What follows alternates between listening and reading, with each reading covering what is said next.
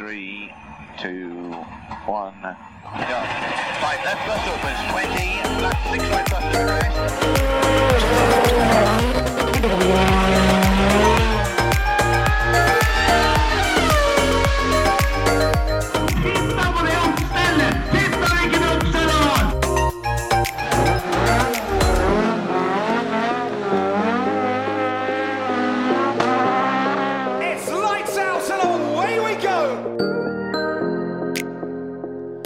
Da er vi her igjen. Jaggu. Nå er det ei uke siden sist, pleier vi å si. Det pleier vi å si. Men jeg vet ikke, er det Har det, gått fem minutter? Nei, det har i grunnen ikke det. For nå, nå er vi akkurat ferdig med å spille inn forrige ukes episode. Nå har vi juksa litt. Ja, vi har juksa litt da, vet du. Men eh, det, ja, det blir litt sånn rar følelse, siden vi akkurat har spilt inn forrige ukes episode nå. Ja. Egentlig så burde vi jo ha skifta klær og fått, litt, eh, fått litt nytt blod. Ja, egentlig så burde vi ha gjort det. Eh, Det betyr jo også at Emil ikke er her denne gangen heller. Emil er fortsatt borte. ja. Han er fortsatt å spille golfturnering. Eh, Så vi skal holde dette ganske kort. Men som vi sa forrige uke, vi eh, kjører en litt sånn alternativ opplegg. Den forrige episoden skulle også egentlig være litt kort. Ja, det var egentlig Altså planen vår var egentlig at den forrige episoden skulle være ganske kort og konsis, og så skulle vi ta den gjesten vi har i denne episoden, og putte den på forrige. Men så gikk jo smella litt, da. Så, Skravla går. så da blei det sånn. Så da, da fikk vi egentlig huka enda ei uke i, i kalenderen, og kabalen er litt nærmere å gå opp med tanke på sommeren. Det er den. For vi, vi skal ha litt ferie. eh, Eller altså, når denne episoden kommer ut, så har vi ferie. Det har vi. For denne her spilte vi inn forrige uke. Skal Og- ligge på sånn jevn promille. Det er litt sånn back to the future-style her nå, for det Ja. Så, så nå skal vi egentlig ikke si så mye, for det, vi aner ikke hva som har skjedd siden forrige episode. Hvordan, det har jo blitt kjørt et Formel 1-løp. Ja. Kan hende det var jævla kult, kan hende det ikke var så kult. Men eh, det har nå i hvert fall skjedd. Vi veit ikke åssen det går, for det er ikke før om noen dager for oss. Det, det kan hende at jeg tippa riktig, vet du. Ja, det kan hende. Det kan hende. Tenk så sjukt. Kanskje Lando vant? Ja. Skal vi, skal vi ta en liten oppsummering av Formel 1-løpet, åssen eh, dette gikk uten at det har vært? nei, nei, nei. nei. Nei, vi, vi driter i det. Men eh, vi, vi, vi skal ikke bli en sånn podkast. det, det gikk eh, vel ikke stort bedre for Alfa Romeo denne gangen, og, disse Has-gutta dem klarte å få kåla det til igjen. Og, og sånn var det, tenker jeg. Ja. Gyntel han lufta bremser enda. Nå har han tatt over sjøl nå. Apropos Gynteren, eh, vi snakka jo om det med Drive to Survive, at han tydeligvis sparte håret mellom sesongene. Åssen tror du han så ut eh, med da. det kan hende det, det hadde vært gøy å sette et bilde av. Det er, eh, Netflix er vel faktisk å lage sesong tre. Det er det. Så det blir jo en eh, spesiell eh, Det løpet der, tenk deg det, åssen Ah, det blir blir på. Netflix. Ja, det er sant. Det, Det løpet som ikke vi veit åssen har gått? Eller ja, det òg. Dæven, når vi får liksom filma ut på fjerde runde der, sånn, inn i turn tre der. Å, herregud, det Ja. blir fint å se. For den forbikjøringa der var sjuk, altså. Ja. Men ja, øh, nok om det som ikke vi veit noe om. Det er jo det vi egentlig, egentlig vi kanskje pleier å prate om. Men eh, ja, Nå har vi hatt eh, over 25 episoder med ting ikke vi kan noe om, så vi kan jo ikke stoppe helt her. nei, vi har, jeg syns vi har vært ganske flinke til å late som. Ja, Vi har fått noen tilbakemeldinger på at vi, er, at vi kan ting. Dem skulle bare visst. ja, ja dem skulle bare visst. Så, men eh, nei, som sagt, vi er eh, på sommerferie. Jeg tipper eh, Terje er solbrent som vanlig akkurat nå. Og jeg er, jeg er på campingferie. Jeg skal på bobilferie, eller er på bobilferie når dere hører dette. Med ermen i kermen. Ja, da, det, det, blir, det blir deilig. Jeg tror vi faktisk har landa et sånt opplegg at jeg skal kjøre bobilen aleine dit vi skal. Så skal kjerringa ta med ungene i privatbilen. For vi, vi er jo skikkelig camping-rookies. Så vi, det tok litt tid før vi skjønte det at vi må ha med en bil til. For hvis vi skal litt rundt omkring, da. For vi skal være på samme plassen ei uke. Og det er jævla trist å måtte pakke ned det forteltet hver gang du skal på butikken med, med den bobilen. Det er sant. Så da skjønte vi at vi må ha med en bil til, og da skal jeg kjøre bobil aleine. Og da må jeg finne fram noe, noe gammel filmmusikk fra Konvoi og litt sånne ting, for da, da skal det ragges. Ja, dæven. Men Apropos det, vi har jo fått uh, bilder på Facebook, og også sett folk på Instagram som har begynt å bruke hashtag ermen i kermen. Ja, det er deilig. Det Så er det, deilig. det er bare, bare fortsette med det. Det gleder oss. Det er helt riktig. Nei da, så sommerferie blir det, og um, Skal du på noe ferie i år, eller? det blir eh, litt eh, gokarttrening i hvert fall. Mm. Gokartløp, og mm, få solgt unna noen seriegreier. Ja, det går jo ganske greit, ettersom jeg har skjønt. Dere selger stadig vekk noe kart her. Ja, det er akkurat per nå så er det tomt i verkstedet. Nå har vi ikke en eneste kart. Er det, noen på, er det en container på vei fra Italia? Det er det.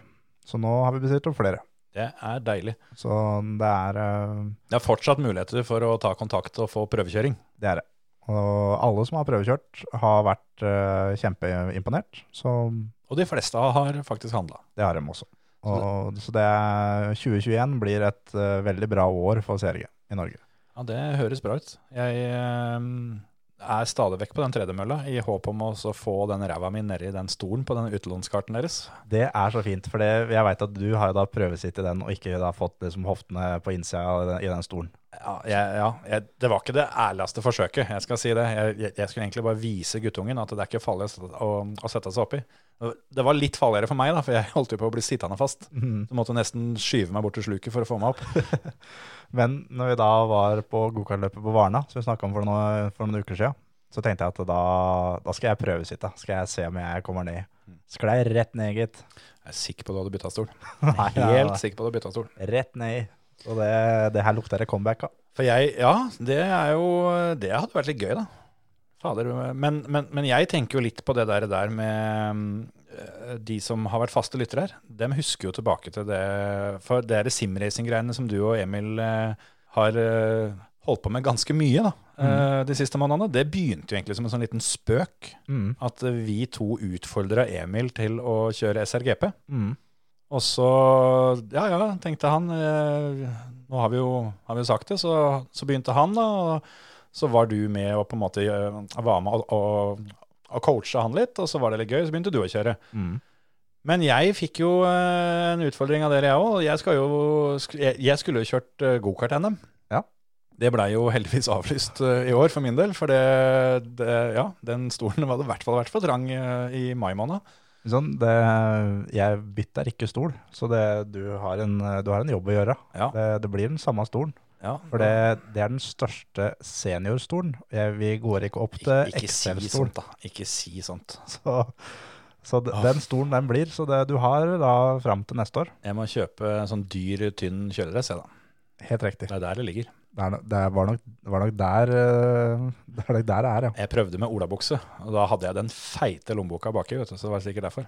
Sitter jo skeivt til vanlig. ja. Det er derfor det går og hater litt òg. Ja, ja, ja. Nei, så jeg, jeg tenker jo litt på det, og jeg må jo komme meg ned i den stolen, for dere lova meg jo det at jeg, dere hadde utstyr, og jeg skulle, skulle få trene og prøve, og vi, akkurat som når dere kjører simracing, vi stiller jo ikke opp for å kjøre sist og bli ledd av. Nei, nei, nei. Så jeg må jo få trena litt før jeg skal kjøre NM. Det er helt riktig. Og da begynner den eh, Vi kan faktisk ha det at eh, når vi kommer tilbake etter sommerferien, så er det da ukentlige oppdateringer med åssen treninga di har gått. For da begynner jobben mot NM. Den begynner i august.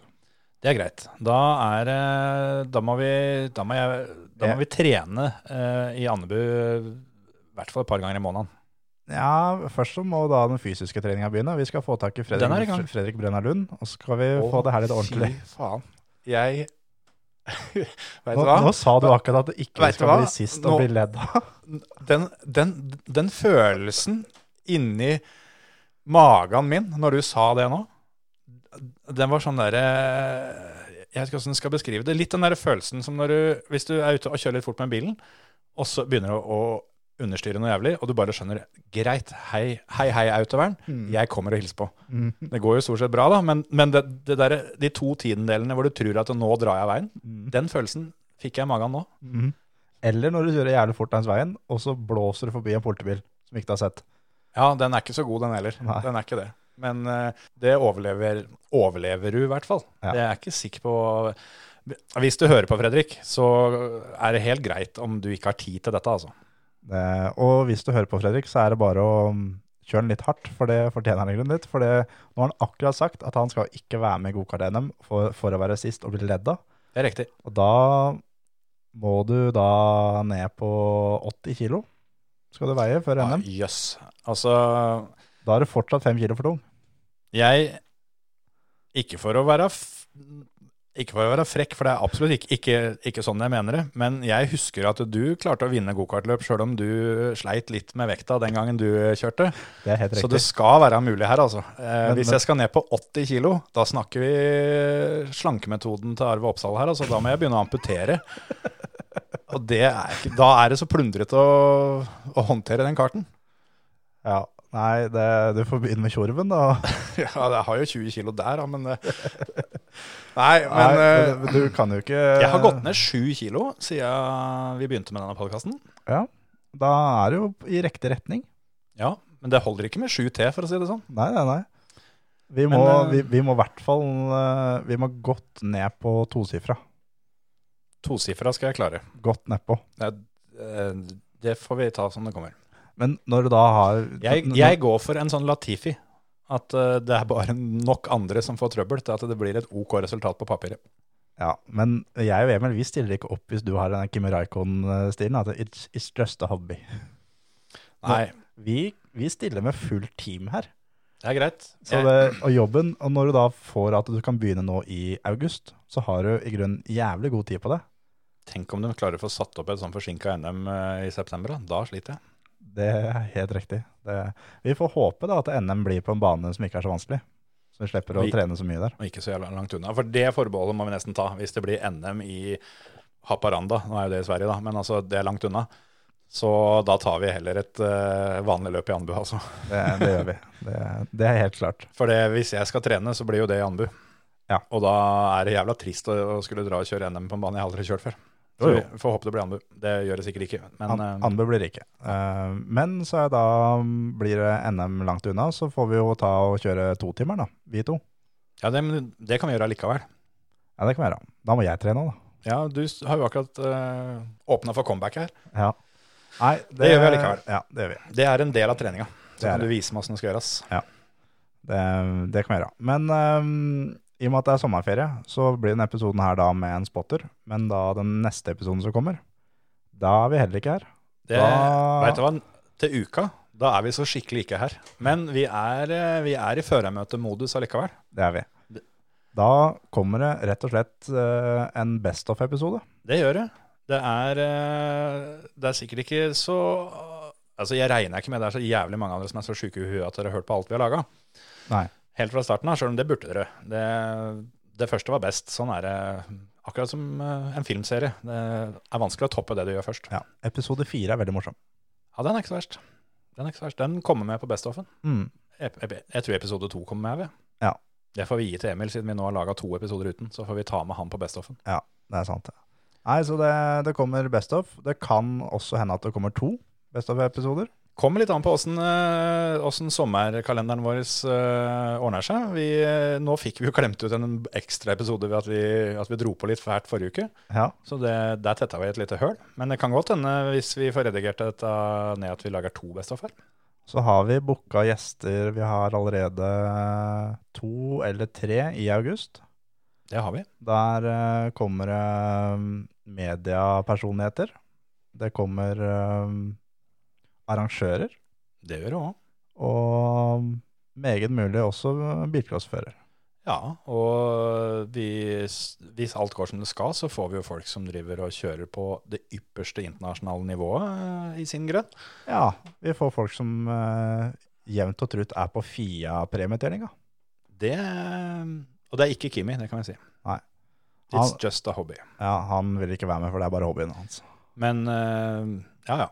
Nei, det, så, så framtida ser egentlig ganske lys ut. Men eh, til uka blir det best off. Men eh, ja, vi skulle jo holde dette litt kort. Vi, vi har spilt inn intervjuet med dagens gjest på forhånd. Vi har juksa der òg. Det skulle som sagt vært med forrige uke. Ja. Men uh, spotteren, som ingen av dere klarte å tippe riktig på, tror jeg Det kan hende noen har klart det fra forrige ukes episode til nå. Men uh, han heter uh, Hans Martin Jensen. Det heter han. Han har vært eh, spotter for eh, Frode Holte for det meste. Hovedsakelig der. Hovedsakelig der. Han har vært litt for eh, onkelen sin, Stein Egil Jensen. Ja. Han har vært med og skrudd for Liam Doran. Det har han også.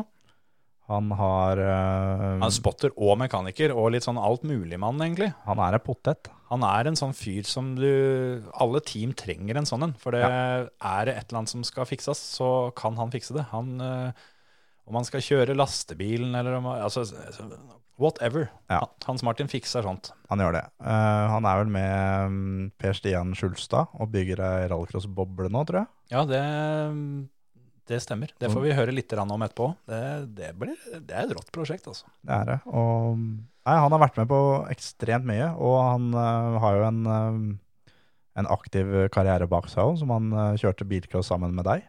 Det stemmer. Jeg har vel kjent Hans Martin uh, siden vi var uh, ja, vet ikke hva rakkerne gamle vi var, fire, fem, seks år rundt der, når fedrene våre begynte å kjøre bilcross, og etter hvert mødrene våre. Så vi, vi blei på en måte litt sånn tvinga til å være kompiser, husker jeg. For det, fedrene våre de hadde verksted sammen Mm. og skulle ha en del med hverandre å gjøre. Og alle, alle som driver med dette og har unger, vet jo det at det blir det blir lite verkstedtid hvis ikke du er med og passer ungene. Så da ender det med at du da tar du gjerne med deg ungene. Da går det i hvert fall litt enklere. Så da begynte vi med det, og da husker jeg det, det der er veldig godt. At eh, hei, han heter Hans Martin, og han heter Kjetil. Nå kan dere gå og leke. Mm. Den er jo alltid litt sånn klein i starten. Men vi blei bestekompiser, vi, og var det hang sammen eh, tett eh, til vi var godt ute på videregående. Da skiltes våre veier lite grann, så vi har ikke hatt så mye kontakt i det siste. Jeg henta han inn igjen eh, som sjåfør for eh, bilen da da jeg gifta meg. Da, da hadde jeg faktisk ikke sett ham på en stund.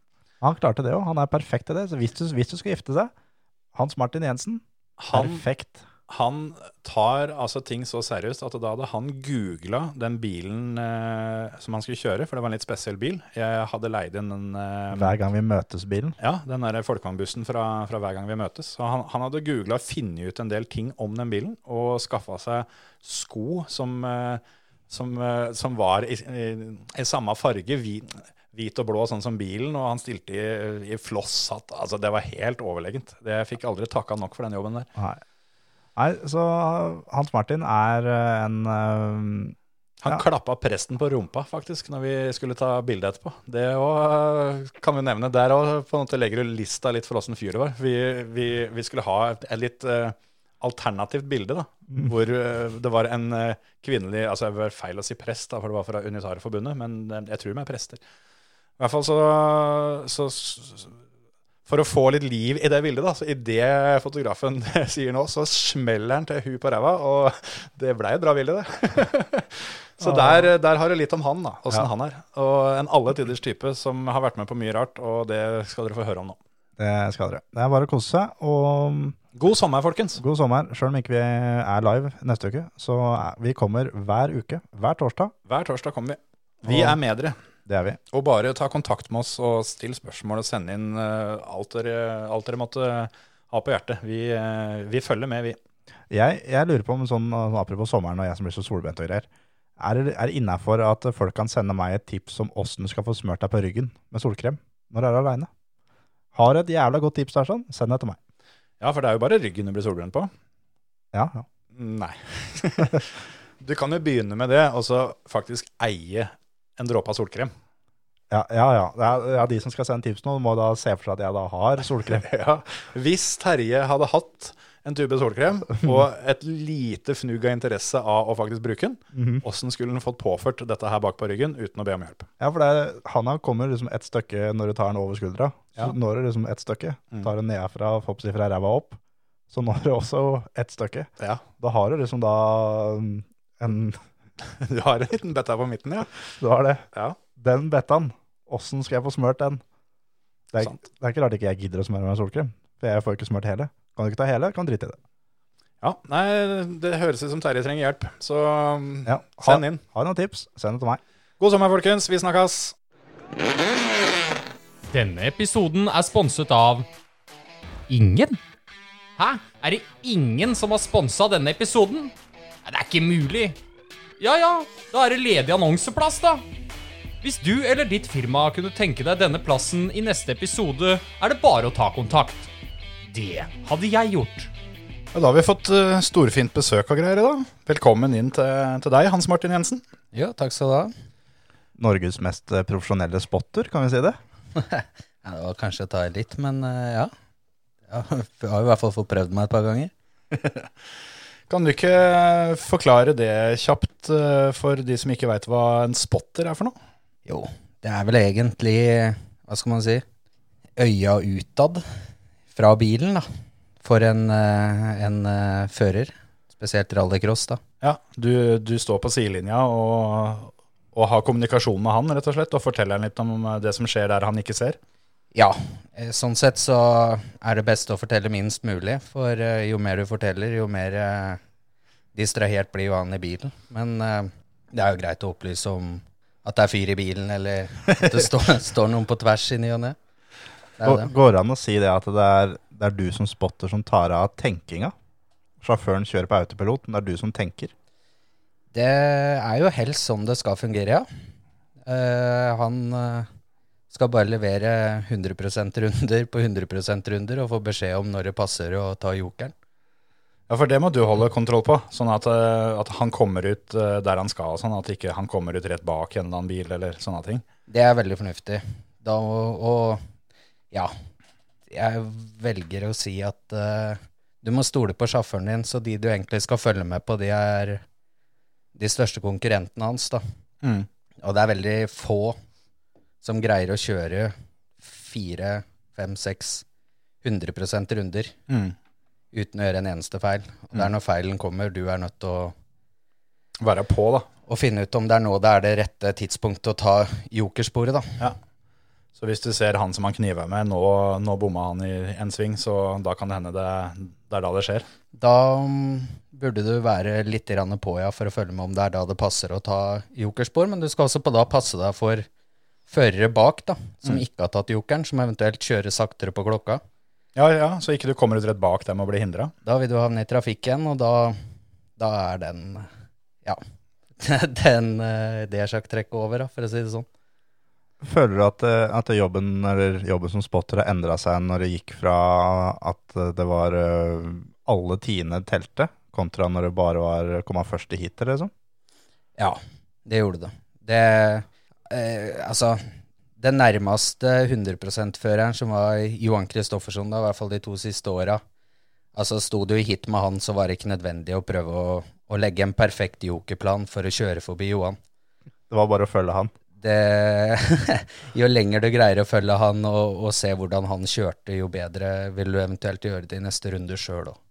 Det blir jo fort litt sånn da, at eh, du må kanskje peke deg ut litt hvem, eh, hvem, du, hvem du sikter mot. Da. Det, det veit du vel etter at du har kjørt mot de samme ganske mange ganger. Så, så veit du når du ser hitoppsettet at det er han der som er, er, er vår konkurrent dette hitet. Ja, du gjør opp noen meninger hvem det kan være greit å komme bak i mål, og hvem du eventuelt vil komme foran. Men så er rallycross veldig vanskelig, da. Første sving har eh, ja, nesten 50 av løpet å si.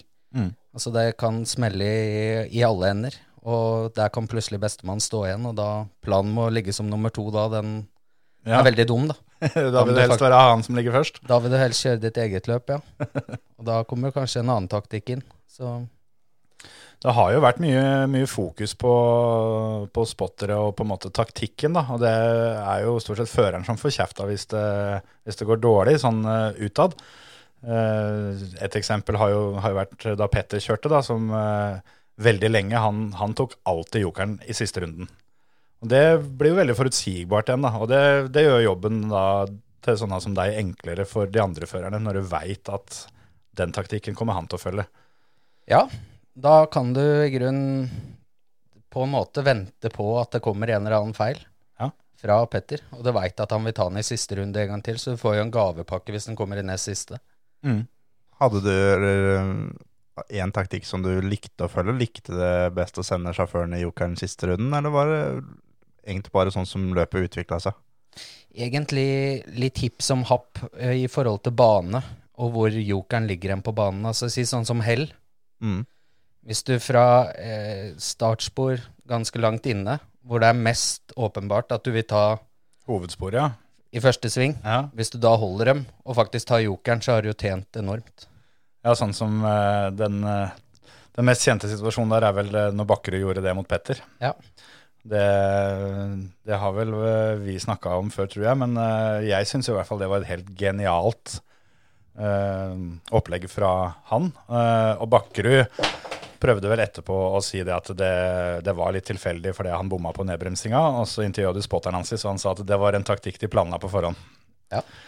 Og det jeg, har jo tenkt at det er rart ikke, ikke flere har gjort det, men så har vi sett i ettertid at nå har jo folk begynt med det. Så for hvis du får med deg din største konkurrent inn der, og du har han på ytteren, så da må du kjøre forbi, forbi på banen istedenfor i alternativen. Ja.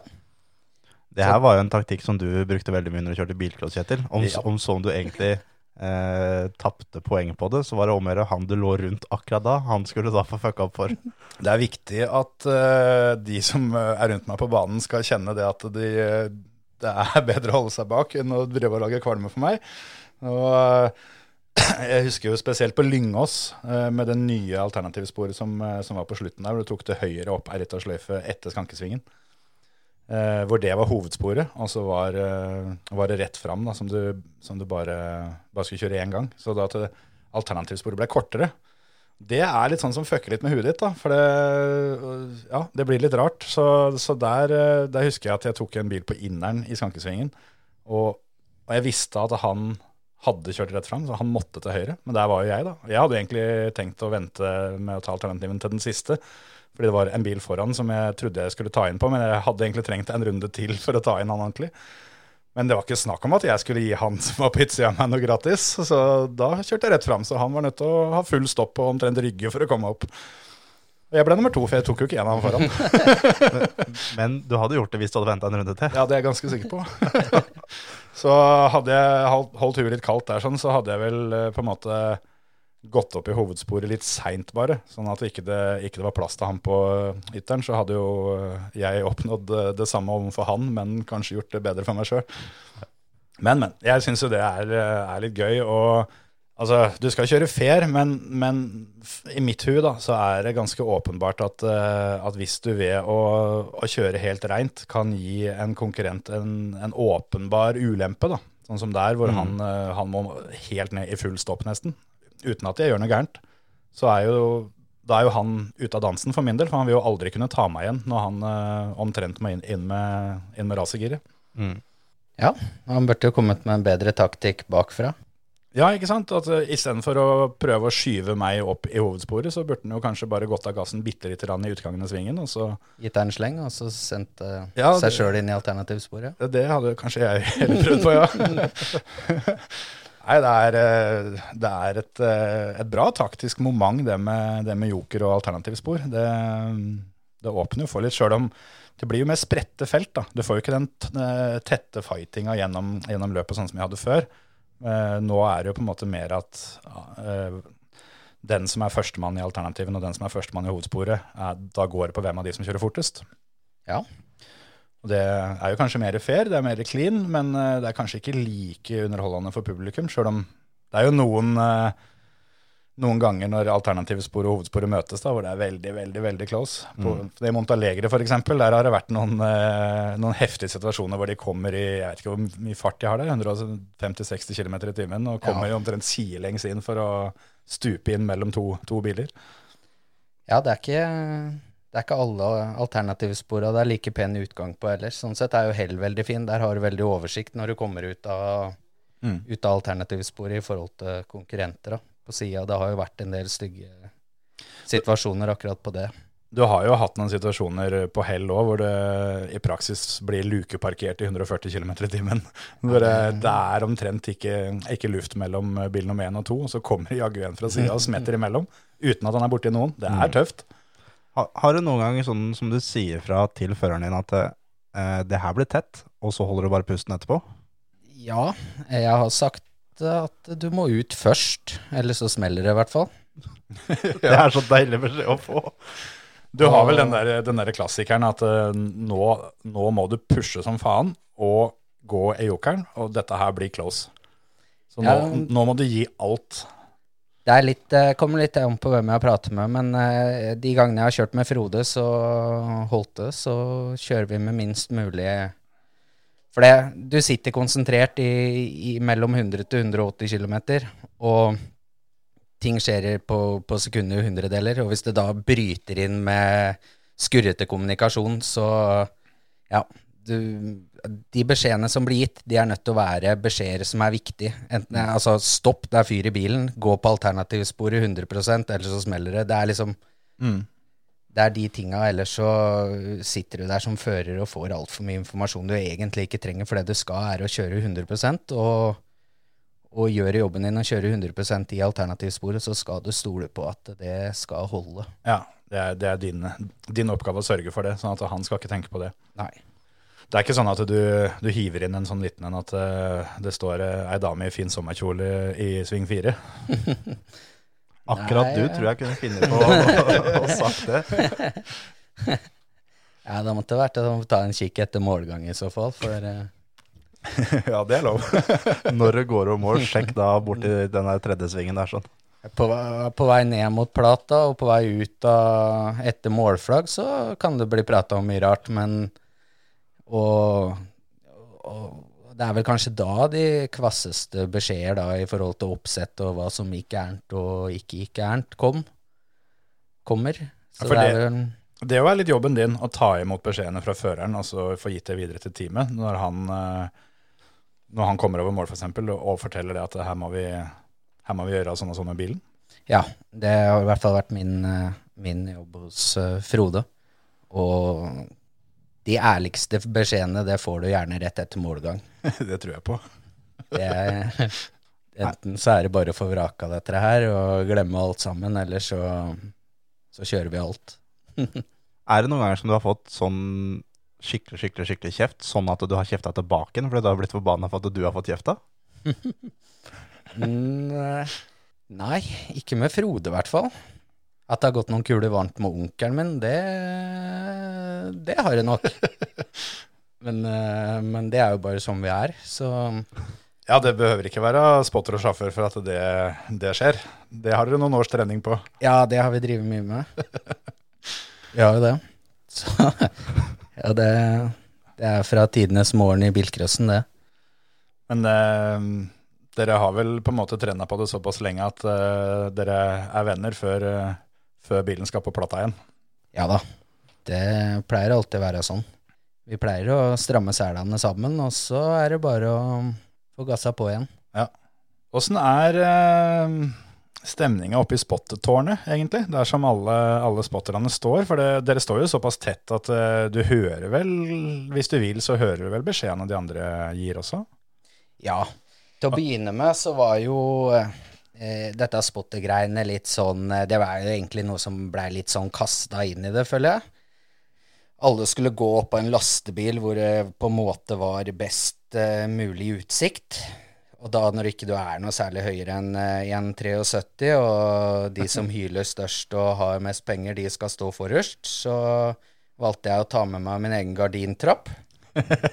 Finne meg et eller annet annet sted på banen, med egentlig bedre oversikt i forhold til taktikk på jokerspor og, og diverse. Og det funka egentlig veldig bra. Men så gikk det jo en sesong og to, og da begynte det å komme TV-skjermer og tidstagning. Og da er det litt lettere å, å følge med. Ja, for før så var det, var det stoppeklokka. Før var det stoppeklokke, og så sånn derre um, som jeg lånte av en eh, gammel rutinert spotter, Robert Waa, en eh, sånn eh, som konduktøren går med på toget Ja, ja, for ja. å telle runder. Ja, ikke sant? Ja, for det har det vært noen situasjoner med at eh, de enten tror at det er målgang en, en runde for tidlig, eller at det er igjen en runde.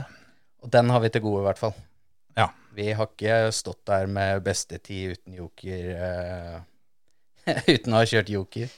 Nei, Det er litt flaut. Det har jo skjedd eh, Det er jo én ting, og så har jo den sånn som den smellen med Bakkerud og Timmy Hansen i Abu Dhabi, hvor, hvor Bakkerud trodde det var mål, og det var en, ei runde til. Det er jo en del sånne situasjoner som det er kanskje greit å prøve å, å minimere. Ja. Det blir så jævlig dyrt. Ja. Og så i tillegg, som du sier, da, du, du kjører ditt livsløp, og så plutselig så fikk du målflagget, og du har ikke vært i jokeren. Eh, Ja. Det er ikke noe særlig, det. Da burde du gå en ekstra runde før du går i depot som spotter, i hvert fall. Burde i hvert fall stoppe innom kiosken og kjøpe noe godt. For det. Ja. Men den der trappa di, den husker jeg, for jeg var jo da med deg og Frode Holte til Østerrike. Og da husker jeg at vi satte den trappa dagen før løpet, før det kom noe publikum. Eh, og under løpet så måtte da én fra teamet alltid være rundt den trappa for å holde den liksom, veien opp til trappa måtte være rein når du kom løpende. og da sto jo resten av gjengen, eller resten av spotterne sto jo da på en lastebil litt unna. Men du sto da midt blant publikum i, i da publikumssvingen. Ja, det, og i Østerrike så var det egentlig en ganske bra plassering, for uh, Spottertårnet var i nærheten av startplata. Da hadde du ikke kjangs til å se den langsletta ned. Og hvis ikke du fikk med deg den utgangen, så visste du heller ikke åssen det ville gå i, i svingen der nede. Og det var inngangen til alternativsporet. Så hvis du ber en gå inn da, og har gjort en kjempetabbe i inngangen av svingen, så både ser og høres det litt teit ut for han som sitter i den bilen. Mm. Så da valgte jeg Det er ikke bare der jeg har gjort det, men eh, spesielt der var det veldig fint. Og etter liksom det har gått en omgang, kan du si, så når du kommer løpende der med headset og diverse, så Og publikum blir jo bare mer og mer glad utover eh, som dagen går og sola steker, så til slutt så blir du nesten løfta opp på den, eh, den eh, spotterstigen, altså. Ja, så blir det vel fort litt sånn at de, de, som, de som sitter rundt der, da, med mindre de eh, har en eller annen favoritt fra før, så kan jeg se for meg at dem blir fort litt på deres lag. Det er mye jubel og, og skåling, ja. Og, og jeg tror vel, eh, ja, av de, de som sto rundt der, så var det ikke så veldig mange på søndagen som ikke hadde Frode Holte til Ørste. Så, så ja, det blir jo litt stemning av det, da. Ja, det husker jeg der, sånn, for da hver gang som vi da skulle gå opp og passe på den trappa før da du kom løpende, så hadde jo alle sammen med seg da fem eller ti capser og fikk gitt til da de som sto rundt. For da når vi da gikk, så sto dem og passa på trappa vår. Ja, ja, ja. ja Det var det jo er helt perfekt. kjekt å få sånne kompiser i løpet av helga. Ja, så var det da Kunne du leie ut den trappa da for en sixpack da resten av, Ja. av kvelden og, og løpa, så kom det godt med på service, det, altså. Ikke sant? Det er jo kjekt det, hvis det er en eller annen som har med seg en guttunge eller et eller annet som ikke, ikke, så, ikke ser så bra. Så Akkurat der nede så husker jeg da gikk jo vi to rundt og leita etter øl i telta til de andre når det var litt, litt rolig. Og vi var inne i teltet til Derek Towhill, og så det var noe sånn limeøl. så Da hadde vi ikke funnet noe øl noe annet sted. Og og så på den og så bare Nei, det her skal de få lov til å beholde sjøl. det er nesten så du lurer på om, om, om det er satt der fordi at uh, sånne tjuvradder som dere skal komme og ta det. Ja, vi, vi fikk det. Vi fikk takøl etter hvert. Altså. Ja, ja. Nei, men det, det er viktig å kose seg litt på løp. Ja, det var jo i hvert fall det før. Nå føler jeg det er eh, Det er nok litt endra akkurat på den biten, og det føler man nok kanskje nasjonalt òg. I forhold til bilcross og rallycross i Norge òg, så var det vel Det var vel kanskje litt mer eh, Ja, man kjørte på banen, og så var man eh, kamerater og kunne låne av hverandre i depot, og Mm. spesielt da når det gikk fra EM til, eh, til VM. Da blei det mye luktetelt telt, og selvfølgelig kostnaden blei jo veldig mye høyere men eh, for, for eventuelle team. Men, men sånn samhold blant, blant sjølve sirkuset, den forsvant ganske markant. Mm. Du blei rett og slett litt for seriøst når eh, Petter og Løb og disse her kom inn og, og hadde litt hemmeligheter, kanskje? Ja, det blei vel kanskje til det, men eh, men det har jo liksom alltid vært hemmeligheter før òg. Det har jo liksom ikke Det, det har jo ikke skorta på det, men, eh, men det var eh, Ja. Den gangen så var det jo på slutten av EM Ja, før IMG overtok, så var det jo stort sett dobbeltløp. Ett løp én helg og ett løp helga etter. Og da endte det jo opp med, da, siden du kjørte Belgia og Tyskland, så kjørte Belgia den ene helga, og det var litt grilling og litt morsomheter da på søndag og videre, og folk sto og skrudde bilene sine til tirsdag og pakka sammen og reiste oppover til Tyskland. Og man var liksom Mm. mer samla, da, hele gjengen. Ja. ja, når du får de der dagene imellom, så, så vil det jo bli litt mer sosialt, selvfølgelig. Det gjør det. Mm. Og du er jo på steder du vanligvis ikke ville vært på ellers når du reiser på ferie, da. Disse uh, rallycrossbanene ligger jo som regel ikke midt i byen. Nei, nei, det er vel omtrent bare, bare Riga det som har, eh, har banen forholdsvis nærme sentrum. Ellers så må du litt ut av, Ja, må ut av sentrum. Det er, eh, jeg kommer ikke til, å dra, til å dra på ferie til, til Bogstadhodet. for å si det sånn. Det, det holdt å være der en gang. Det, det blir ikke noe sånn, ferie, sånn feriested, altså. Jeg kom med lastebil oppover til Montenegro i Portugal òg. Og når du ligger bak et esel med, med kjerre, så er det er ikke Det er ikke det stedet du drar på ferie, det heller, altså, faktisk. Hvis du skal til Portugal. Nei, Du svinger vel ikke innom Lyden Hill heller, hvis ikke det er løp der, eh, Terje, hvis du er forbi. Nei, det er helt riktig. Men altså er det jo en del av disse banene, det gjelder vel for så vidt Lyden nå, men kanskje aller spesielt Høljes, som er eh, Det er jo en gudsforlatt plass hvor ikke det er en kjeft til vanlig. Der borte i Høljes er det vel en 300-400 mennesker som, eh, som bor, og så den helga det er løp, så er det 40 000 der borte. Ja, det er helt rått. Det, det er eh, det er virkelig høydepunkt. Og nå er de vel godt over 50 000 nå, så jeg får håpe de får lov til å beholde det. At de ikke vil ha det inn på stadion i, på, på travbanen, der hvor de kjørte Det er Nordic. Tierp Arena, eller hva han heter for noe.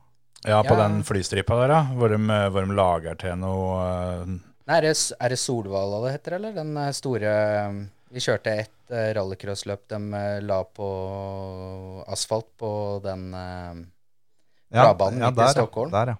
Ja, ja Solvala er jo den der hvor Eliterace og det her sånn Ja. eh, går. Stemmer. Der eh, er det vel også tilrettelagt for mye publikum her. Så, Ja. Men Det var stilig anlegg. Men uh, får håpe de holder seg oppe i skogen der. Det er jo ikke bare billøpet når det er høljes. Det er jo stevning til 1000. Jeg veit om veldig mange som har vært her både tre og fire og fem år. Har ikke sett en bil enda.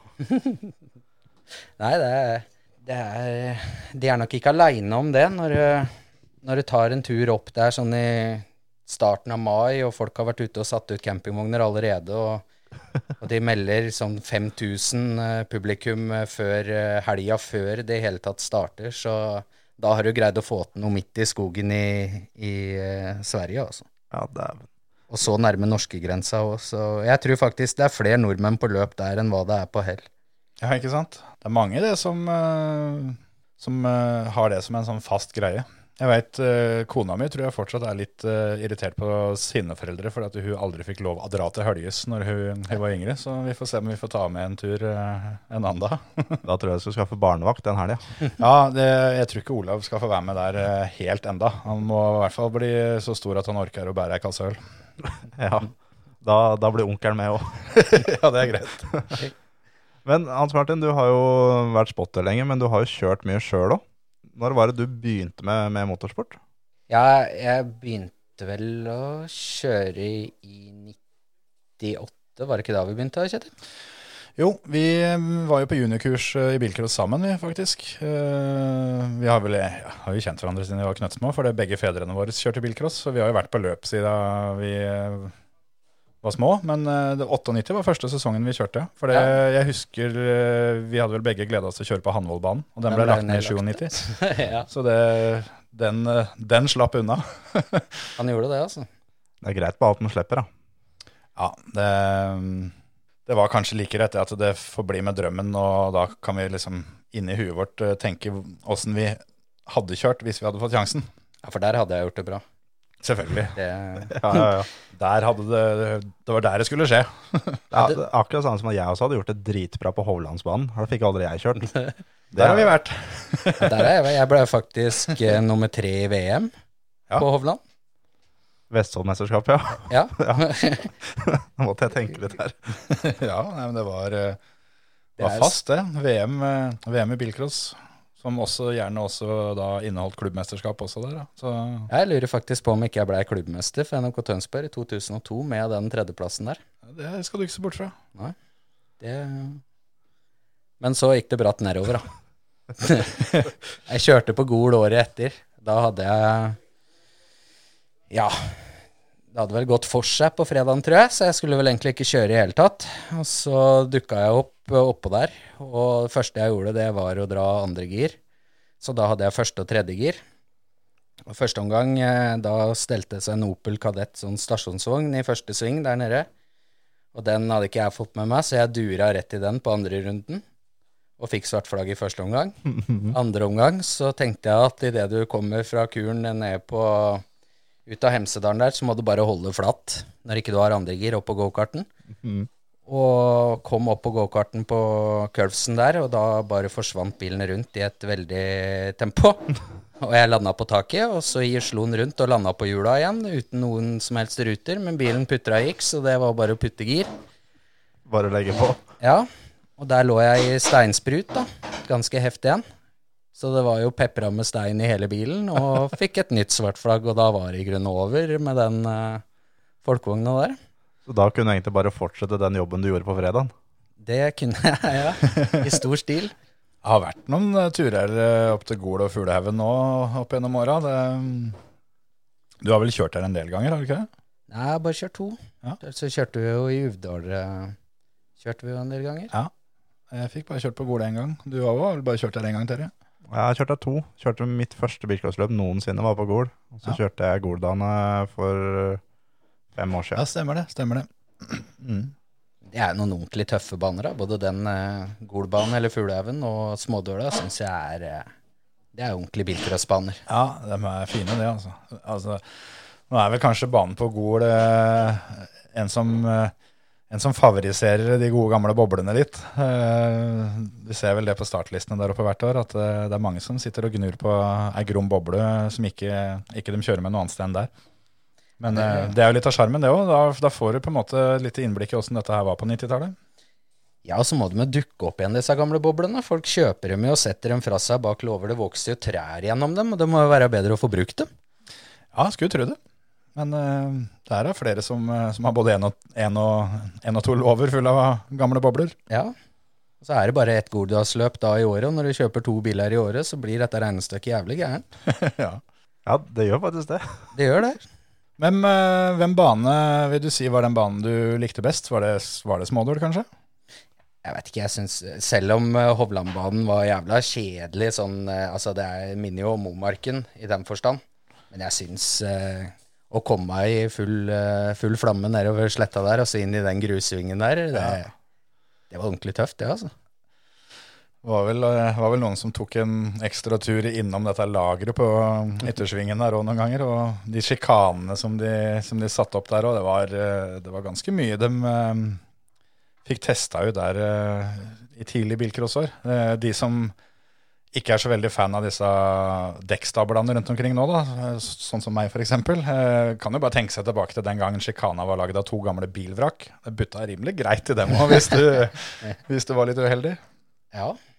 Men det var det er nesten bedre enn dekkstabel, altså. Nei, fy faen. Det er jo livsfarlig. Dekkstabel ruller jo i tvert. Ja, det er nå så, men uh, du vil jo ikke butte rett i veggen heller, da. Heller det, altså. Ja, ok. ok. Sier du som aldri har rulla. Ja. Så det Jeg rulla i gokart, så jeg vinner sånn sett. Ja, det er sant. Det, det er så mye mer vondt, det. Det veit du jo ikke. Nei, men jeg ser det. Men eh, fordi jeg har sett da deg rulle ganske mange ganger. Ja, det, du har hatt noen sjanser til å se det. De fleste gangene så ligger jeg helt aleine når du har gjort det òg. Men eh, og du har jo ikke hatt vondt etterpå. Nei, det går stort sett bra. Det er, det er veldig moro, så du burde prøve. Det er mest stoltheten du har vondt i. Nei, nei, nei. Det er, det er så gøy at det, det er det verdt. Altså, det hender jo det selvfølgelig når du ligger dønn sist og bare skal bare skal showe med en litt ekstra breier eh, fordi du veit at eh, familien står og ser på, og du veit du er bakerst, og så tenker du nå bare lefser vi den ut litt her, hekter i en liten kant, og snikruller i 15 km i timen og blir liggende på taket og vagge. Du føler deg jo litt teit, du gjør det. Jeg kommer aldri til å glemme et år vi to kjørte Aremark. Som vi kjørte i samme heatet. Det var ganske seint i uka, for der er det jo ti heat. Jeg tror jeg var heat med åtte. Da jeg ble nummer to, så visste jeg at du lå nummer tre. Siste gang jeg så i speilet, så var du nummer tre. Ja. Og så når du kommer i mål der, så kjører du inn på indre bane, og så blir du slept over inn i liksom, hoved, eh, hovedstedet. Ja, stemmer det. Og jeg så jo ikke deg i speilet når jeg kom inn der. Jeg har tatt av meg hjelmen og tenkte at da har han stoppa et eller annet sted. Da. Et eller annet som har skjedd, liksom. Og idet vi da kryssa banen, så ser jeg til venstre. Der står det da et vrak. Da ser jeg at du har rulla. Der sto 245-en på hjula. Eh, og det som var litt irriterende der, var at det var jo ingen som fikk med seg at det faktisk rulla. Ikke, ikke engang vår egen mor, for hun var jo så opptatt av å se på deg. Ja, ja. Så det, var jo, var jo Det er jo på en måte litt som den der bjørn som driter i skauen. Eh, Har det skjedd, egentlig? Det, det, så Nei, det var den dekkstabelen, da. Da skulle jeg bare roe ned litt, for da, da kjente jeg et par sving her før at nå går det kanskje litt over evne. for Jeg skulle prøve å holde følge på deg og Sebastian Huse, mener jeg det var. Mm. Klarte jo ikke det, men uh, satsa litt for hardt, og så kjente jeg i svingen på toppen at uh, nå er det greit å roe seg ned, for nå er guttene snart i mål allikevel, og jeg tror det er ganske langt ned til de bak. Så da skulle jeg bare kjøre pent til mål, men uh, da hadde jeg jo ikke den farta inn i båndsvingen som jeg var vant til. Der skulle jeg skli ut og på en måte bare ta den pent rundt den der, den der dekkstabelen. Men når det gikk for sakte, så sklei jeg jo ikke ut, og da gikk det rett i dekka og tippa rundt. Var det året før det rulla i samme svingen alene, eller var det to år før? Ja, et par år før når jeg kjørte den BMW-en. Det. det var uh, Samme svingen, helt alene da òg? Ja, nesten. Det var den volden mellom hovedsporet og alternativen. Så det var på en måte fem meter lenger til sida. Mm. Da lå jeg og vagga på taket der. Og da, det var jo den, den jeg snakka om i stad, at, jeg, at jeg, jeg var helt sikker på at jeg var dønn sist. Og så var det nyvanna bane og litt sprekk BMW, så det, du, du sladda jo enten du ville eller ikke. Så jeg tenkte jeg da kan jo like gjerne gjøre dette litt ordentlig. Vippa dette på taket og ble liggende opp ned. Og det har jeg gjort før, og spent ut selene, og det, det gjør litt vondt av hvis ikke du tar deg for. Så da tenkte jeg at her kan jeg like gjerne bare henge og dingle til det kommer noen som, eh, som kan, eh, kan fri ut selene mine, så ikke jeg behøver eh, å kødde med dette her sånn. Så jeg, jeg ble jo liggende der og henge og dingle. Tenkte jo ikke på det at det ser kanskje litt rart ut for folk, da, at han ikke kommer ut av bilen og sånn. Begynner kanskje å bli litt bekymra. Så kom det jo egentlig ikke noen funksjonærer. Jeg tror Terje var faktisk førstemann bort ved bilen, og du sto et stykke unna og så på. Og når eh, første funksjonæren som kom til meg, han, eh, han spurte liksom Går det bra? Ja, ja, det går fint. Kan du bare åpne selene mine, du, så, så går dette bra. Ja, åssen gjør jeg det? Ja, trykk meg på magen, du, så ser vi hva som skjer. Så. eller trykk meg på navlen eller et eller annet. Og så eh, fikk jeg høre bak det. Det lekker bensin. Da hadde jeg ikke tid til å vente på han lenger, så da dunka jeg rett i, rett i taket allikevel. Da, da husker jeg da sto jeg og så på, og så så jeg at det hadde rulla. Og så gikk jeg liksom litt av, litt av gårde. Så gikk jeg tilbake igjen for liksom å se om, om det hadde kommet ut. Da sto jeg da og så på de som var på flaggpost, og de sto fortsatt med hendene i lomma. og Ja, for det, det tippa jo så vidt det var rundt. Det, var jo, det gikk jo så pent for seg, så de tenkte at han her kommer seg ut sjøl. ja. Og jeg hadde jo gjort det, selvfølgelig. Jeg bare tenkte at jeg for å unngå å, å dunke huet i gulvet der sånn, så Men det, det rant ganske mye bensin, og de begynte, når jeg da kom løpende og skrek at det her lekker det bensin, gutter. Nå må vi, nå må vi på jobb. Må vi opp i ringa, hele gjengen. Jeg kom på det idet du sa det. Så kom jeg på det at det stemmer jo det at jeg fylte jo aldri den tanken, særlig med en halvfull, for den, eh, den var litt råtten på toppen. Så det lakk litt bensin. Så jeg visste jo egentlig om det. Når, Idet du sa det, så ja, og det lekker sikkert ganske mye òg, tenkte jeg. Så er det jo litt av hvert som er litt varmt, da. Og det er ikke bare mellom øra mine, men eh, på bilen òg. Så da var det greit å komme seg unna. Men det gikk fint, heldigvis. Gjorde det. Tok ikke fyr. Jeg dauer begge de bilene der, vel, vil jeg tro. I hvert fall BMW-en. Ja, den er helt dau. Den, er- Den leverte jeg på hoggeren, så den er dau. Ja, den er ferdig. Den forrige bilen jeg rulla med eh, på klubbløpet, den òg er ikke så lenge siden vi var en tur på hoggeren med den heller. Det blir ofte sånn når du får kjørt. Ja. Det er Det, ikke noe. det ender på hoggeren, liksom. Hvis noen kan være så veldig snill og kjøpe de, de to Volvoene jeg har stående nå, før jeg er nødt til å levere den på hoggeren, så ta kontakt. Har du noen bilcrossbiler her nå, eller, Hans Martin? Eh, ja, jeg har jo ei boble, da. Mm. Som står der. Har du eh, Volvo i Danmark, eller åssen? Ja, det, det tenkte jeg på. Står den Volvoen i Danmark fortsatt? Den er vraka nå.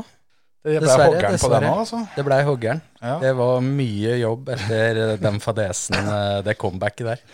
Kan ikke du fortelle litt om åssen det foregikk? For det, det var jo ikke sånn som du hører stadig vekk folk som drar til, drar til semesterreise for, å, for å, å kjøre løp. De tar jo bare med seg stol og, og kjøredress, og så kjøper de en bil der borte. Det gjorde ikke du når du skulle til Danmark. Du hadde med deg bil hjemme. Ja. Eh, jeg var eh, Ja, styra litt med jeg og han David Norgård. Og så fikk han plutselig en idé om at jeg skulle kjøre bilcross i Danmark, et sånn tredagersløp. I Sæby, mener jeg det het. Og det er jo ikke så langt fra Fredrikshavn og, og Hirtshals. Og så hadde vi Ulrik Lindemann, hadde vi jo som kamerat, holdt jeg på å si. Så han var jo, var jo klar, han òg. Skulle kjøre noe rallycross og sånn, hele familien der. Det er vel han som har vært uh, den beste rallycross-sjåføren internasjonalt fra Danmark, som har kjørt høyest der Ja. de, de, de senere år. Det har vel I vært hvert fall de seinere år, ja. Ja. Det er det. Ja, det har vel vært det andre før han, men uh, nå de siste åra så har det vel vært han som uh...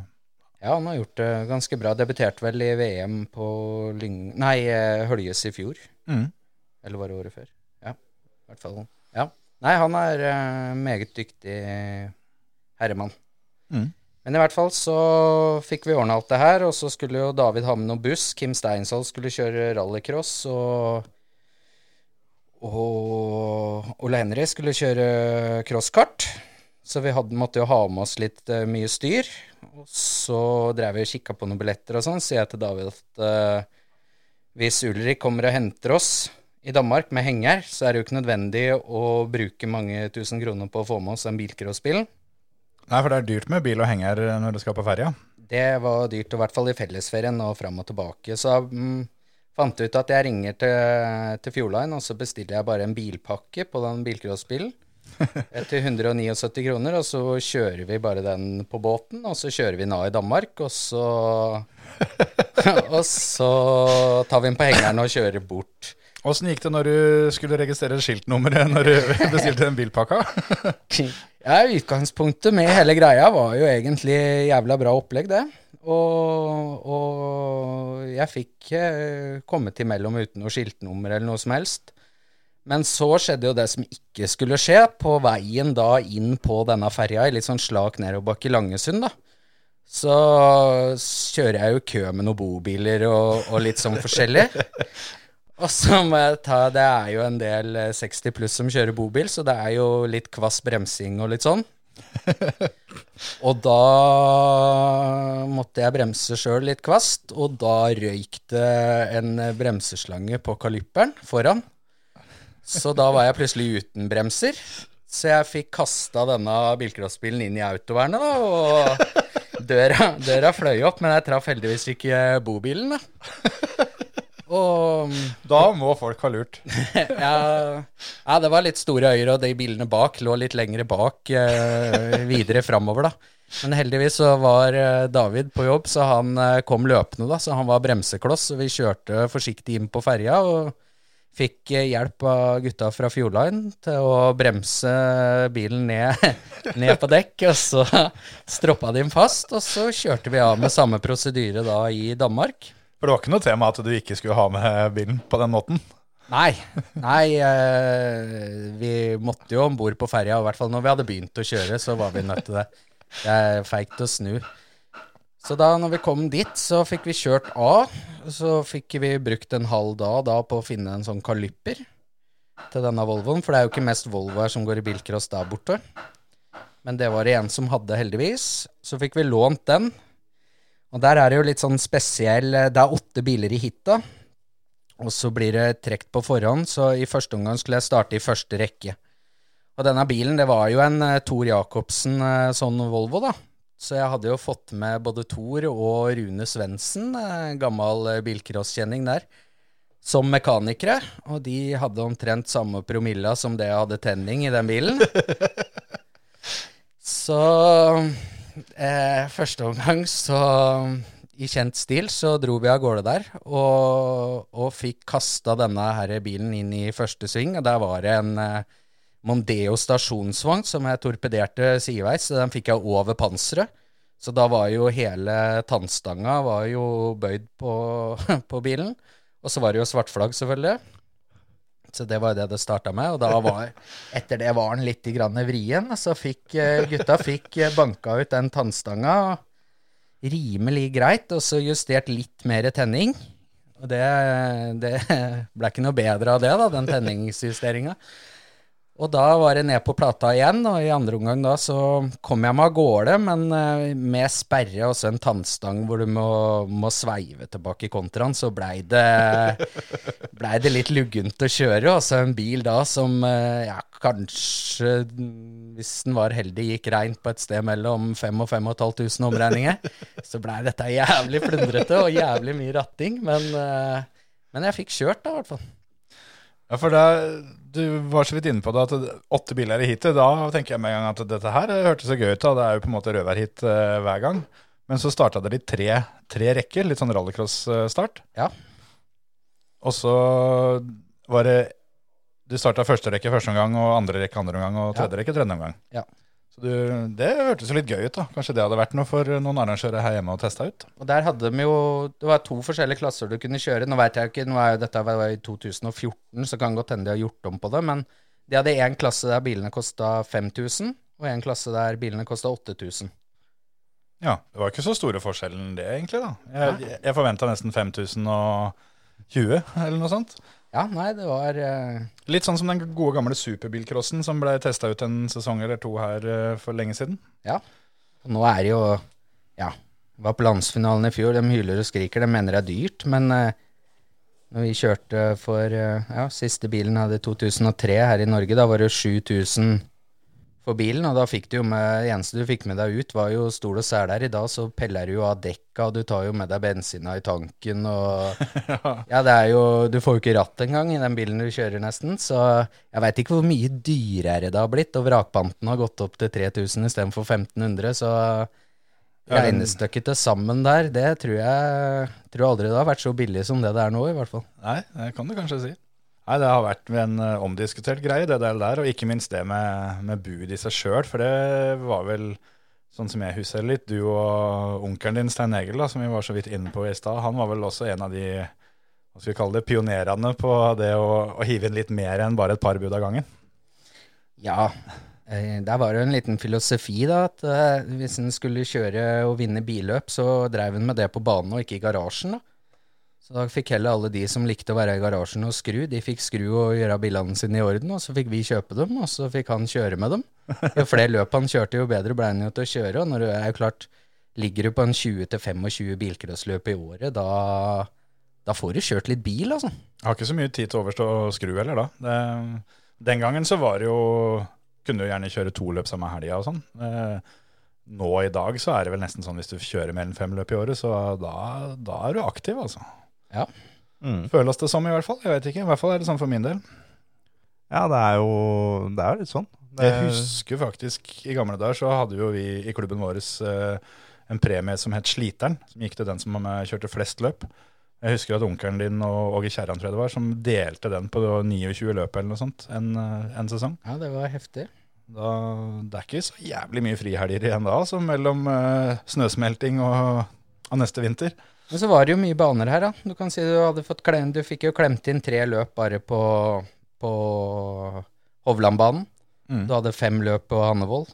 Mm. Så har du en time til Kongsberg, og hvis du hadde en tre løp der òg, så er det ganske mange løp bare Hakkavika på Eikeren der, og Ja. det var uh, veldig mye baner rundt uh, her som vi bor den gangen. Geiteryggen, ikke minst. Mm.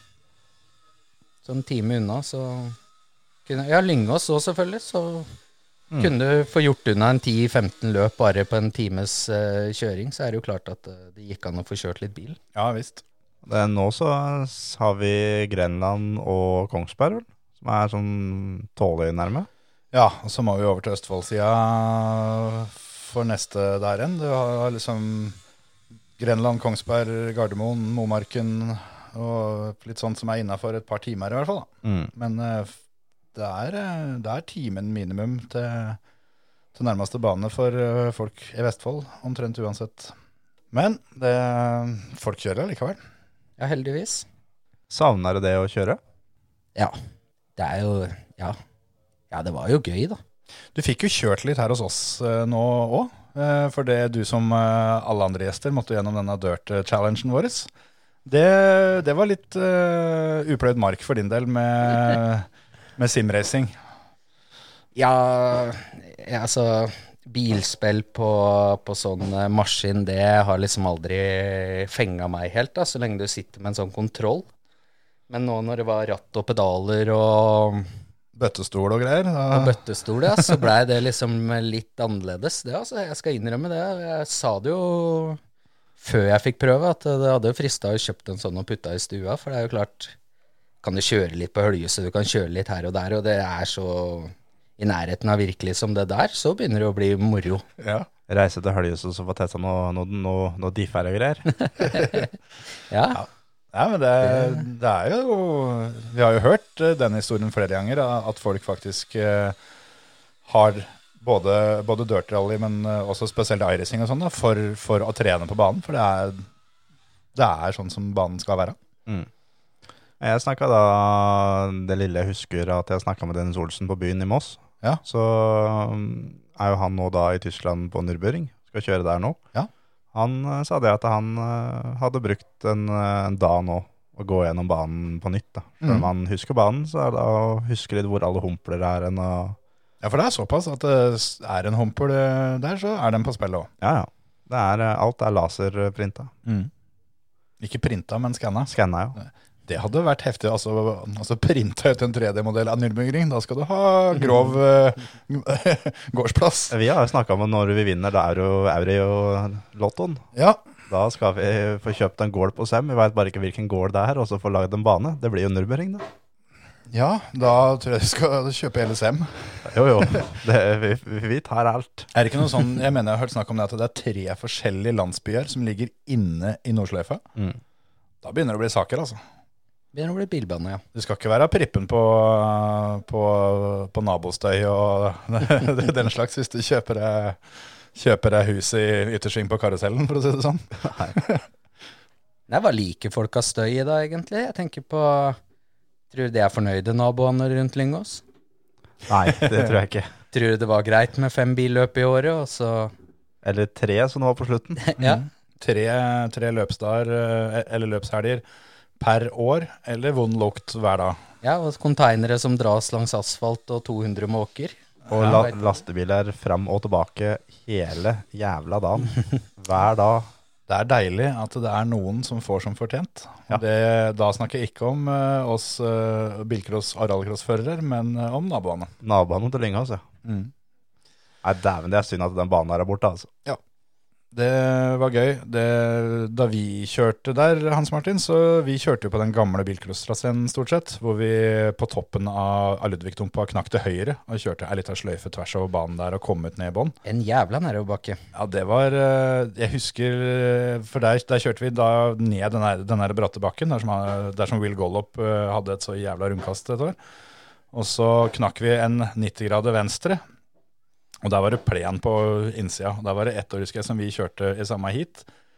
Og jeg vet ikke helt hva som skjedde, for jeg havna litt bak i, bak i rekka. Men eh, når jeg fikk litt klem på det ned bakken og knakk venstre, så ser jeg en hvit og rød Volvo som har vært ute på plen og kommer da med du vet, sånn der vått grassfart i sladd. Sånn at du fikk liksom full pendeleffekt på den Volvo-ræva rett i trynet mitt. Da satt vi oss opp i lia og så på billøp resten av helga, for det var liksom ikke noe igjen. Eh, Det, det var nesten vanskelig å få de bilene fra hverandre etterpå. Vi hadde det med å krasje med hverandre, da, Kjetil. Det Var det her sånn på den tida hvor eh, da faren din Hans Martin og faren vår Kjetil delte verksted? Det var det. Det stemmer. Gamle Sånn at- Låven og Pifon. Sånn at da de bilene som delte og krasja, skulle da tilbake til det samme verkstedet? Det Det skulle de. Eh, det hadde jeg helt glemt, når jeg kom med på nå at eh, Hans Martin har faktisk klart å kjøre på meg på banen, eh, på trening, i bakkeløp, inne i verkstedet og ute på veien. Og det, konklusjonen da er at Kjetil kjører sakte. Det det er jo nødt til det. Det er kun jeg som har kjørt på, men altså Når du blir kjørt på, så kjører du for sakte. Det gjør jo det. Ja, Men- Blir du tatt igjen, kan du skylde deg sjøl, som Stian Ormestad sa. Men åssen du får kjørt for sakte i verkstedet? Nei, bilen, bilen sto i grunnen dønn, dønn stille, og, og Hans Martin han eh, skulle vel egentlig bare ut. eh, Men eh, den porten, der var en sånn litt sånn slakk, slakk sving ut av den porten. Så han fokuserte for alt da på det, og tenkte jo ikke på at når han da svinga for å, for å vri den rumpa litt, så flytta fronten seg òg. Der var det noe, gitt. Og sånn 20 år etterpå så skal jeg innrømme det var jo litt sånn Når Kjetil kom der da med den eh, Han hadde ny strøken 142, og jeg hadde en gammel eh, 102 Nei, 242 fra Sverige, som var skjøta, den så ikke ut. Og han hadde ny bil, så er det jo klart at eh, han måtte jo få litt eh, Litt bulke på den før vi skulle på løp, og det klarte vi bra nede på jordet der òg. Ja, det var ikke så populært det heller. Det var eh, når vi Da, da holdt vi å si var vi hjemme aleine, eller hva vi skal kalle det. For da fant vi at vi tar jo disse bilcrosspillene. Det er jo bare å kjøre en liten sveiv ut på jordet her.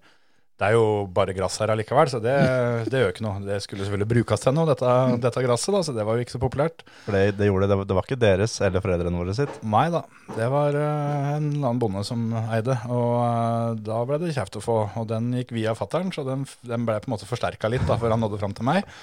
Men eh, det som var verst med det, var jo ikke at vi la dette jordet flatt eh, og spola opp det, men eh, dette var eh, i uka etter at jeg hadde vært og kjørt løp på Bø.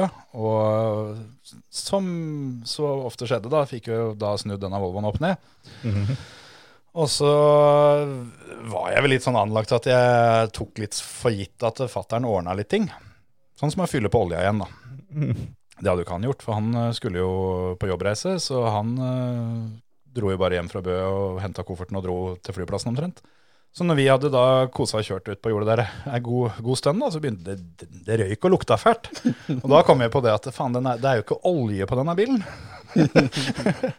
Men heldigvis, da. Det her var jo den gangen eh, det var ordentlig kvasse B20-er med doble SU-gasser her, så de der B20-ene dem får jo ikke tatt livet av. Så eh, sånn var det denne gangen òg, heldigvis. Sa du fra det til fatter'n når han kom hjem, at jeg har kjørt uten olje? Eller det, er det en hemmelighet som kommer fram nå? Nei, jeg sa, at, eh, jeg sa at Hans Martin hadde kjørt bilen uten olje, for vi hadde byttelånt bil, sa jeg. Og det er For jeg hadde jo selvfølgelig tenkt på å fylle olje. Så nei da, det Jeg prøvde meg vel først at det var Hans Martin og noen andre kompiser også som hadde, hadde gjort dette uten meg. Men, Lindåsen òg var med en del på dette her. Ja, det var noe Fiat Abarth her som uh, fikk kjørt seg litt. Det var det eh, jeg skulle til å si nå, for vi fikk jo beskjed om da at vi ikke fikk lov til å røre crossbilene og ikke gjorde noe mer. Eh, altså vi kunne fikse det, men ikke noe kjøring ut på vei og sånn. Og det var greit, det. Så da tenkte vi at det står jo en sånn Fiat Abarth 2,2 oppe på, i tredje etasje på den låven. Mm. Og den har vi jo ikke fått beskjed Den er jo ikke bur, og det er jo ikke noe bilcrossbil. Og hvis vi da kjører på veien istedenfor på jordet, så Ja, har vi ikke gjort noe ulovlig. Nei, det har vi gjort akkurat som du fikk beskjed om, da. Ja. Og Jørn Ole bodde jo i Vassås den gangen. Det var jo et lite stykke unna. Det var jo faktisk rallyetappa på Rally Larvik. Ja, den lå mellom oss to, ja. Ja. Det er vel fort en halvtimes kjøring. ja. Det kan fort gå opp mot en halvtime der, ja. Vi brukte ofte kortere tid òg. Det stemmer, det.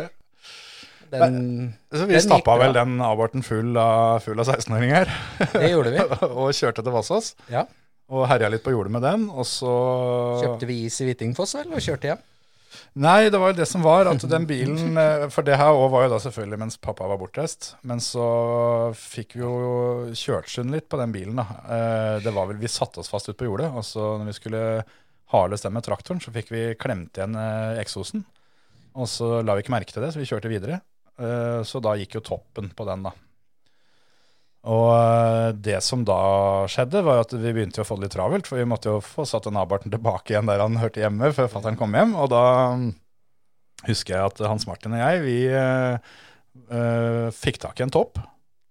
Putta den bak i en ryggsekk som jeg hadde bak på ryggen. Og så satt jeg bakpå med den der TSX-mopeden uh, som var lettere trimma, og skulle over denne, denne rallyetappa. Det var altså så inn i vanvittig tungt med den der Fiat-toppen bak i ryggsekken.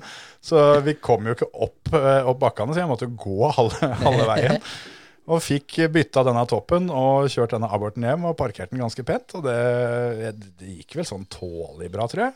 Ja. Jeg husker egentlig ikke helt hvordan det der, der endte, men det kan hende når denne episoden kommer ut at jeg får en telefon Kan med hende- fasit. Kan hende fatter'n sier fra åssen det der egentlig gikk, ja. Ja. ja, men jeg tror faktisk den abarten blei med på flyttelasset opp til Jørn til slutt, når, eh, når denne låven blei kassert Ja, det kan stemme, det. til syvende og sist. Jeg tror ikke det var siste turen vi hadde i den abarten.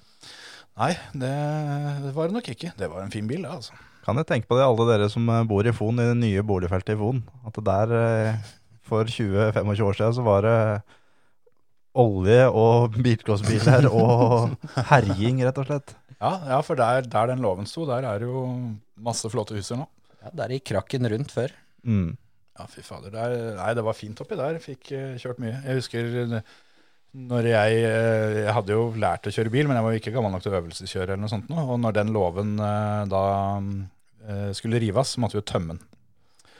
Og ja, det var jo nok en Nå høres det ut som at, eh, at pappa var bortreist hele tida, men eh, det var- det var jo ikke helt sånn. Men det var en, en annen gang han, eh, han var på reise, så fikk jeg beskjed om at eh, jeg, eh, jeg kunne bruke high-hesten vår. For det var jeg vet ikke, 200 meter kanskje hjemmefra og til, til denne låven. Så jeg, jeg kunne kjøre den opp og så, og så fylle den med ting, og så skulle vi ha det hjem da, og, og ha det i kjelleren av garasjen. Men så var det veldig moro å kjøre bil da, når du er jeg vet ikke, 15 år eller noe sånt. Så jeg kjørte opp og henta én mutter.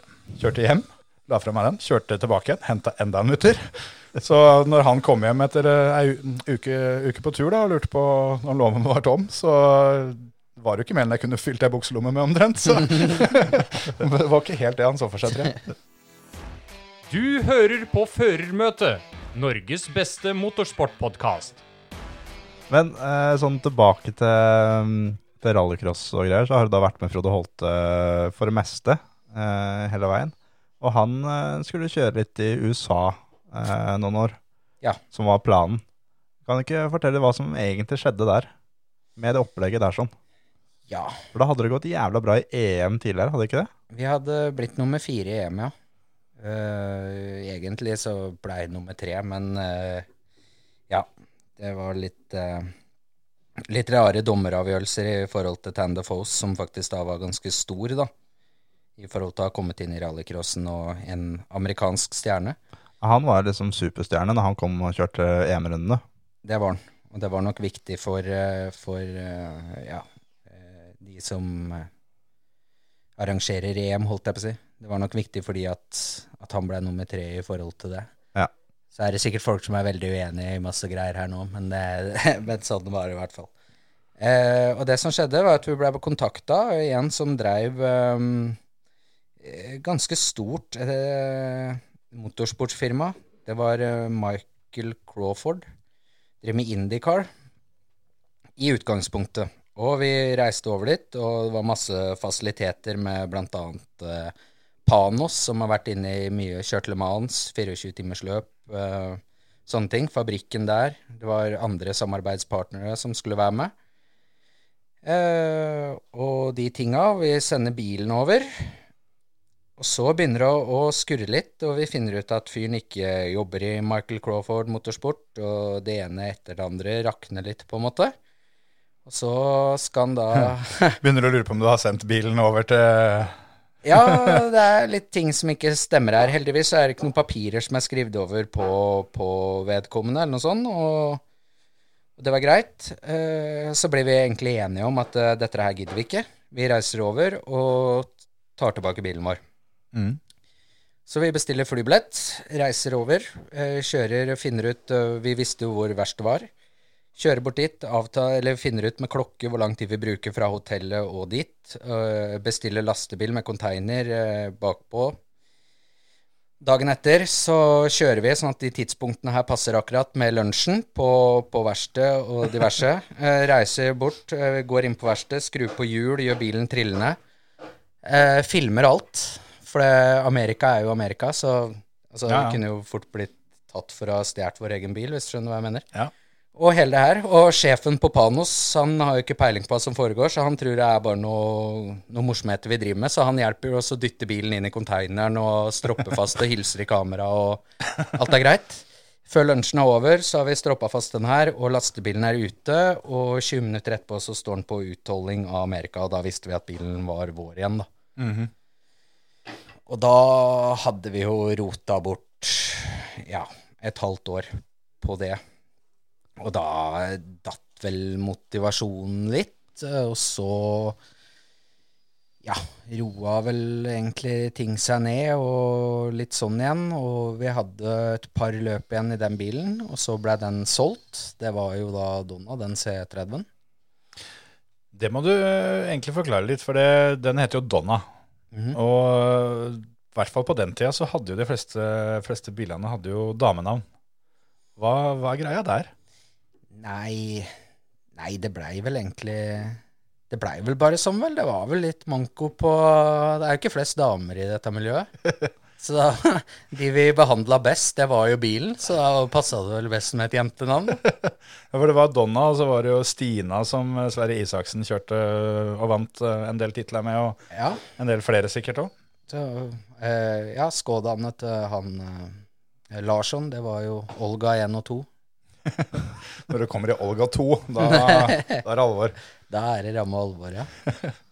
Men åssen er det borte i USA når du da planlegger eh, såpass? da? Når du da skrur og får bilen klar igjen, kikker du litt over skuldra hele tida da, tilfelle det blir noe bråk, eller er det bare Var det så godt gjennomtenkt hele, hele opplegget? Det var litt sånn Olsenbanden-stil, liksom? Det var uh, ordentlig Olsenbanden-stil, ja. Og vi visste det at uh, så lenge ingenting var skrevet under, og så lenge den bilen havna på, på rette sida at den var tolla ut av USA, så kunne vi ikke gjøre noe. Vi blei trua med at de skulle holde oss igjen i forhold til å komme på, på, på flyet. Men eh, vi hadde ordna med noe advokat gjennom en bekjent i Florida, så det var heller ikke noe problem. Det blei heller aldri noe.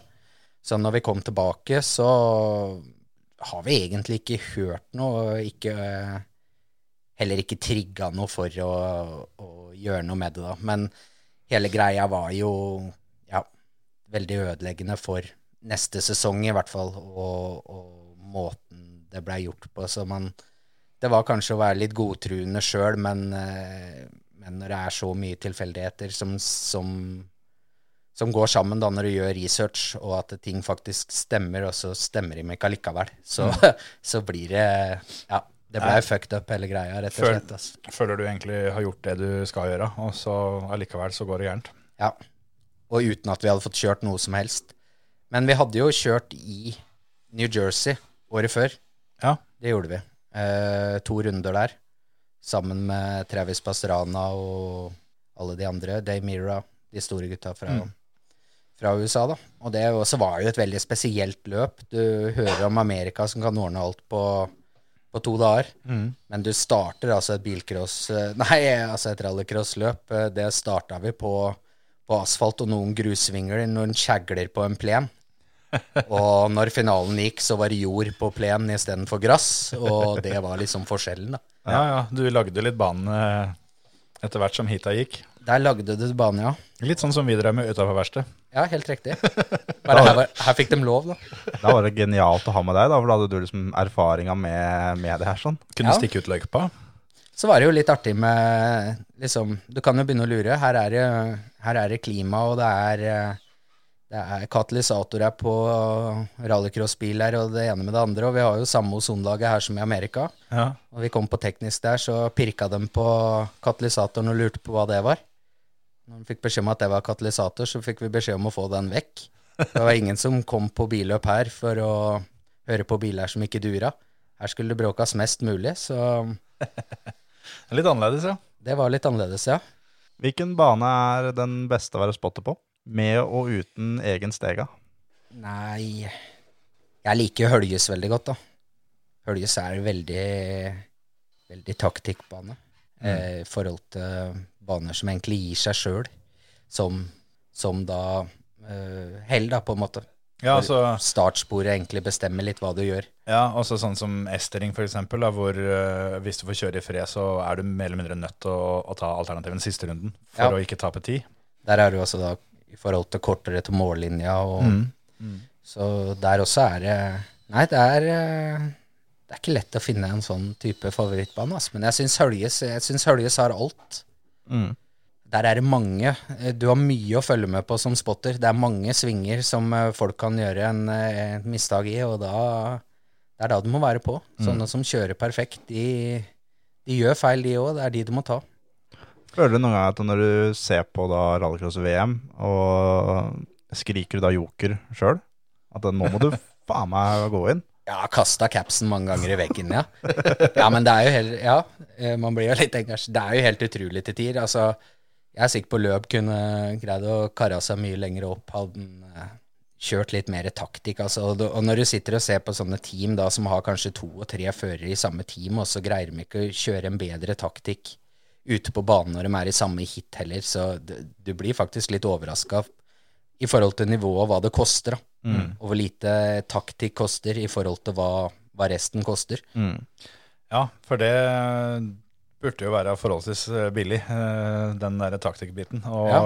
å legge ned et par timer med litt planlegging der, det, det er litt, litt enklere det enn å tyne 20 hester ekstra ut av den motoren. Det er det. Og når det kommer til finalen, så er Ja, man kan gjerne si det at eh, man, man liksom tenker på mesterskapet. Det er, det er bra med en annenplass og sånn, men jeg er litt enig med Andreas. Altså, jeg, blir du nummer to, så er du første taperen. Det er ingen som kjører billøp for å bli nummer to. Nei.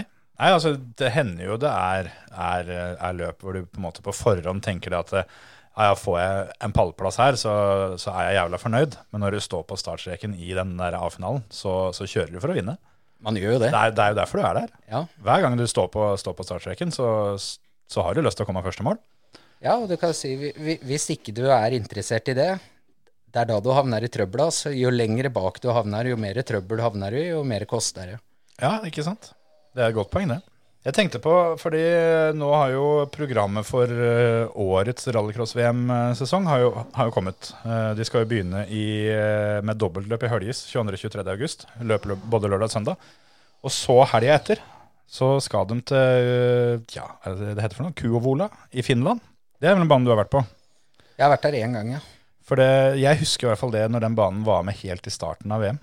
Den banen syns jeg var så vanvittig tøff, eh, i hvert fall på TV. da. Det er den. Men um, er den- like rå Nei, Ja, jeg har sansen for den. Den er tilbake nå. Der skal den også da kjøre dobbeltløp 29. og 30. august i år. Ja, det syns jeg var en, eh, en stilig bane, og en annen bane som forsvant sånn nå, det var Cescalipa, Tsjekkia. Den var, den var flat, men det var bra med fart, og det var en tøff bane å se på. Var vel mye av årsaken til at en del av disse banene ble tatt av programmet til fordel for uh, type Nürnmygring og, og Silverstone og sånn, var vel fasiliteten av plassen rundt. Uh, depotplass og publikums uh, publikumsplass, men nå som de skal kjøre uten publikum, så gir det litt andre, andre muligheter for utnyttelse av arealet, kanskje. Det er, det er ikke noen tvil om det at for da fem, seks, sju år siden, banene som da var i EM den gang, var jo, det var jo rallycrossbaner og ordentlig skikkelige greier. Nå så er det Det er jo ikke noe kult, mange av banene.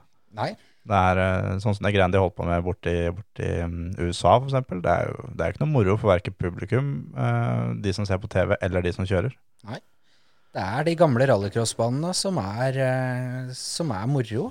Og du Jeg syns vel kanskje unntaket der, eh, av alle de der provisoriske banene, så var det stort sett bare dritt. Men eh, Spa syns jeg de fikk det. Spa var bra. Den, eh, den, eh, den var litt rå, syns jeg, når de kjørte ned, ned Auroge. Og det derre alternativsporet er jo lagd for Liam Doran. ja. Han har du vært med litt. Jeg har vært med Liam et par løp, ja. Det har jeg. Det var, eh, det var armer og bein. Det var eh, de første løpa til Andreas òg, faktisk. Så jeg var litt sammen med Andreas og, og Pirka den gangen. Da, da, da er du som eh, Da skrur du, eller er du spotter da òg? Nei, da var jeg ren mekaniker. Ja. Og så hadde jeg noe videoanalyse på, på videoboksen.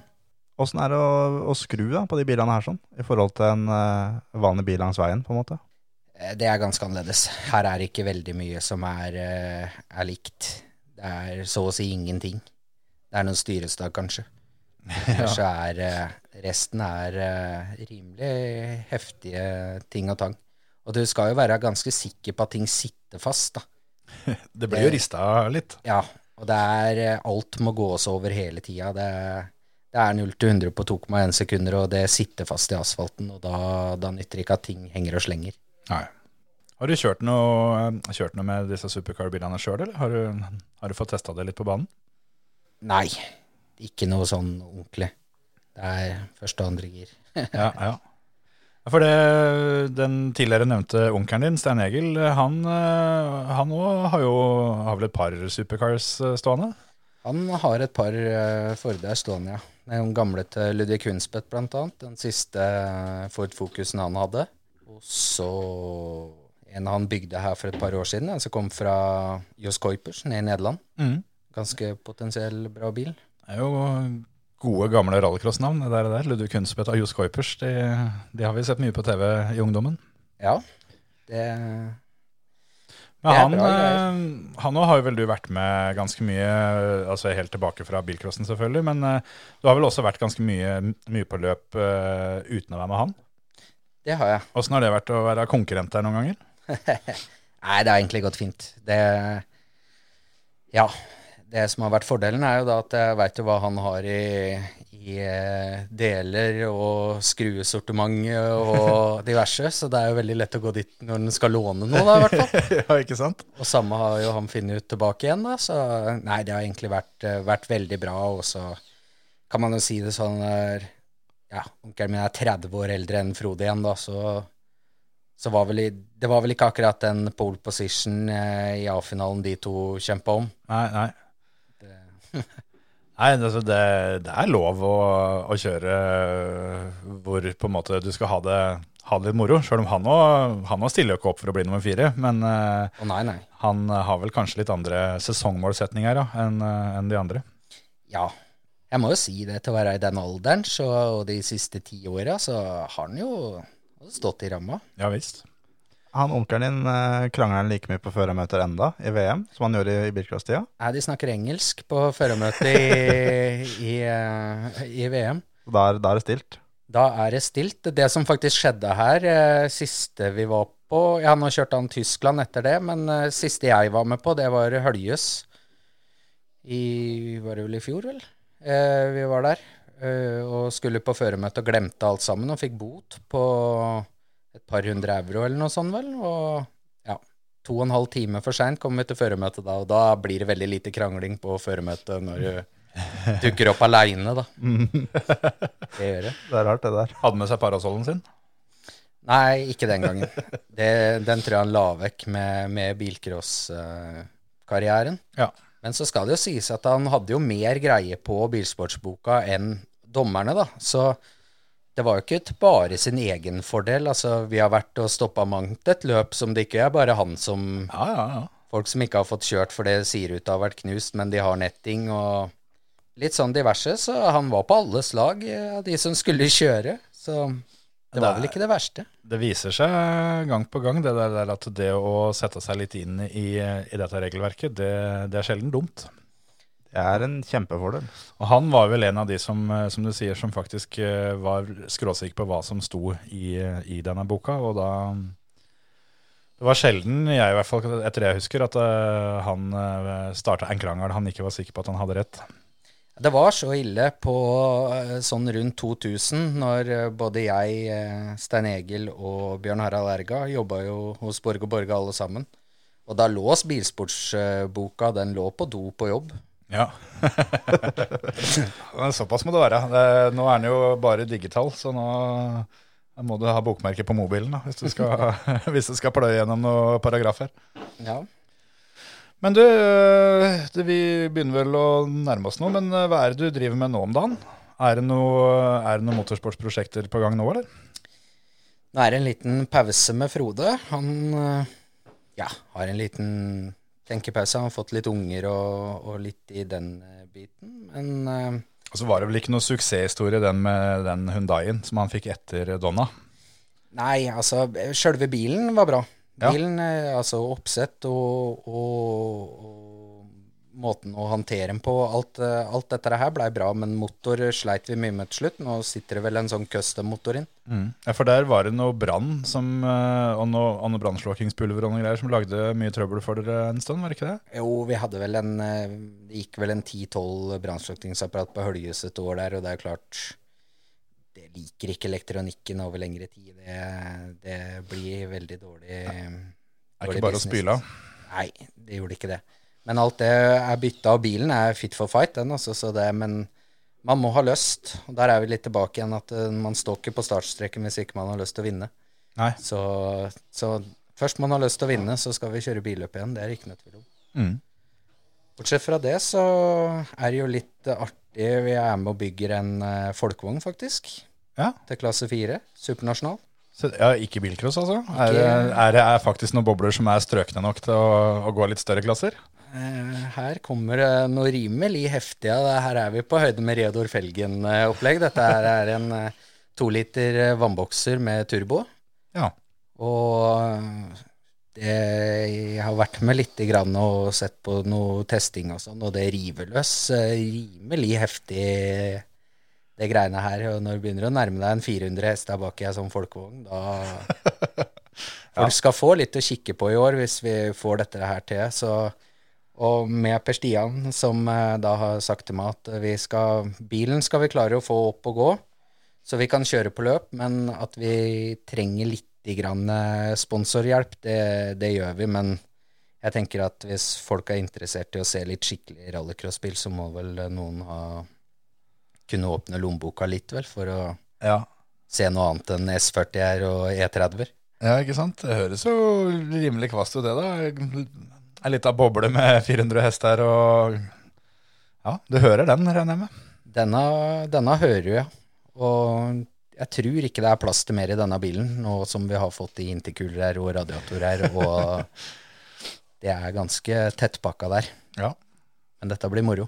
Tøft. Det er virkelig og Per Stian som har noen meritter i crosskart og, og litt sånn forskjellig, så gutten kan da kjøre bil. Han er eh, partabel til å gjøre det godt, han. Mm. Det blir spennende å se. Er det, er det moro det å være med på å bygge litt bil igjen? Ja, nå har det vært stille litt, grann, og jeg har jobba mye og, og sånn, men jeg merker jo at eh, Da er, det er du litt tilbake til, til starten, på en måte. Være med det på å bygge bil og den Ja. delen der. Ja, og det, det er jo veldig moro, da. Se hva som kan funke og ikke funker, og hva man er nødt til å, å fikse litt på. Og ja, var jo på et par bilcrossløp i fjor uten at det var noe særlig hell med noe bud, men eh, Nei, det er nesten på alle storløp, som jeg da, sånn, sånn som landskamp eller landsfinale og sånn, så møter jeg alltid deg i en av budkøene. ja, det er lov å prøve seg, da, men det blir jævlig dårlig, dårlige resultater av det der budgreiene. Hvis du skulle kjøpt en bilcrossbil nå, da, hva, hva er det du ser etter? Ja, der er det, det, er, det, er mye, det er mye tøft folk bygger, altså. Mm. Det er, men bakhjulstrekk er jo helt klart, da. Mm. for å kunne ha det moro, og, og kunne hatt en sånn Escort MK2-er eller eh, en, eh, en Volvo som går litt skikkelig, og så kjøre åtte omganger opp i smådøl. Det hadde jo vært, ja. det hadde vært tøft, det. Ja, ja, ja. Det virker som de koser seg godt der oppe på sommeren. Ja, det har vel eh, til og med vært en del år på rad nå hvor det har vært stabilt plussgrader eh, gjennom hele juli oppi der, så da går det vel an.